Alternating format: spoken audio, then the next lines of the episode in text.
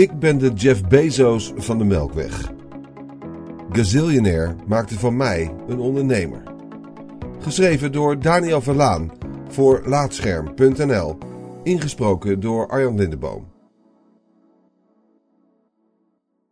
Money, money, money. Dat schreeuwt de roze octopus van Gazillionaire zodra ik belasting betaal.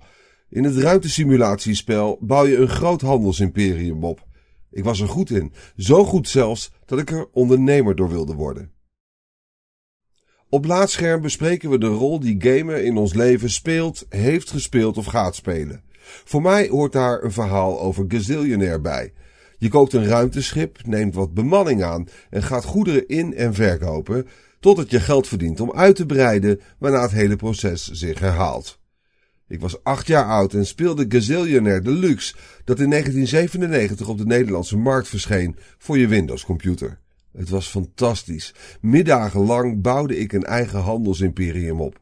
Ik wist niet dat het woord ondernemer betekende. Ik kon het niet eens schrijven, maar ik was het wel. Gazillionaire wakkerde bij mij een liefde voor ondernemerschap aan. In een tijd dat ik nauwelijks iets interessant vond, kwam dat als een zegen. Ik vond school vreselijk en hield me liever met echt belangrijke dingen bezig. Pokémon-kaarten, computers in en uit elkaar schroeven en hoe Goku de Spirit Bomb van King Kai leerde. Ook was ik een groot fan van simulatiegames waarin je van niets iets moest maken. Denk aan Rollercoaster Tycoon, SimCity en natuurlijk Gazillionaire. Je bouwt, managt en beslist. Maar in tegenstelling tot Rollercoaster Tycoon en SimCity, waarbij je spel hoogstens wordt verstoord door een kapotte achtbaan of plotselinge tornado, bepaalde elke beslissing in Gazillionaire je kans op succes. In Gazillionaire neem je een lening van 110.000 coolbars van geldschieter Mr. Zin. Daarvan koop je een eigen ruimteschip. Kies je een snelle met minder ruimte voor je goederen of juist een langzame waar je meer in kwijt kunt. Daar begint de eerste belangrijke keuze al. Elke week betaal je duizenden koelbars aan rente, dus het is van levensbelang dat je zo snel mogelijk de lening afbetaalt. Het simulatiespel zit boordevol opties. De belangrijkste, goederen in- en verkopen op verschillende planeten. Waar maak je de hoogste marge op? Zijn het luiers, jellybeans, cantaloupen of juist lavalampen?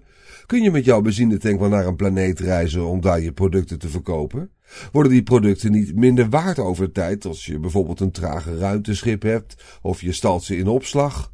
En wat kun je überhaupt inslaan op de volgende planeet? Het zijn maar een paar vragen die gaan over één onderdeel van het spel, maar er is veel meer te doen.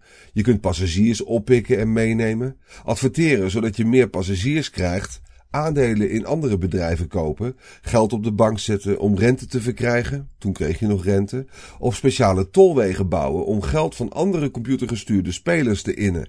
Maar ja, gooi je 200.000 koelbars over de toonbank in de hoop dat je dat bedrag met een tolweg terug kunt verdienen. Al het geld dat je verdient geef je ook weer vrij vlot uit. Aan de roze octopus bijvoorbeeld om je belasting te betalen.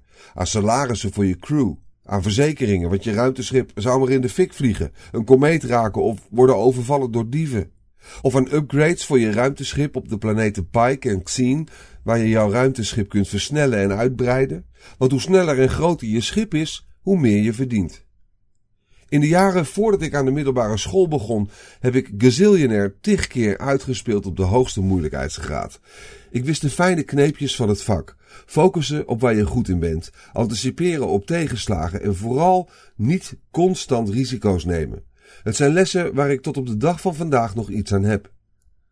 Eenmaal op de middelbare school ging ik voor de richting economie en maatschappij met als keuzevak management en organisatie. Want ja, ik was goed in Gazillionaire, dus dat profiel zal mij wel liggen. In die jaren werd Gazillionaire omgeruild voor andere, betere games, maar ik bleef vasthouden aan mijn ontdekte talent voor ondernemerschap. Althans, in Gazillionaire en soortgelijke simulatiegames. Na de HAVO koos ik dan ook voor de opleiding Small Business and Retail Management om later een eigen bedrijf te kunnen beginnen, maar zoals wel vaker schetste games niet per se een realistisch beeld.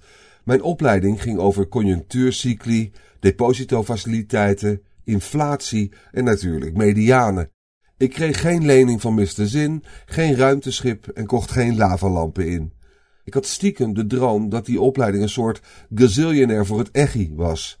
Wat bleek, ik vond vooral games leuk en niet per se economie of ondernemerschap. Gedesillusioneerd verliet ik de hogeschool. Met small business en retail management was ik hoogstwaarschijnlijk een account manager geworden. Tot op de dag van vandaag weet ik niet precies wat dat inhoudt. Of misschien dat ik mijn eigen lunchroom samen met mijn vriendin. Ik de soep en broodjes, zij de bediening en vriendelijke lach. Dat is nog steeds een stiekeme droom van me, als ik ooit de journalistiek verlaat. Eerst maar eens kijken of Mr. Zin me dan een lening wil geven.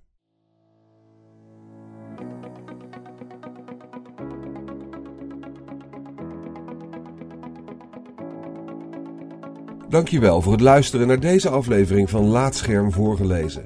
Als je waardeert wat we hier doen, dan zouden we het leuk vinden als je iemand anders vertelt over laatscherm.nl of een van onze verhalen deelt op social media. Je kunt ook heel eenvoudig 5 sterren achterlaten in de podcast-app van Apple en eventueel een recensie, waardoor we weer beter vindbaar worden voor anderen.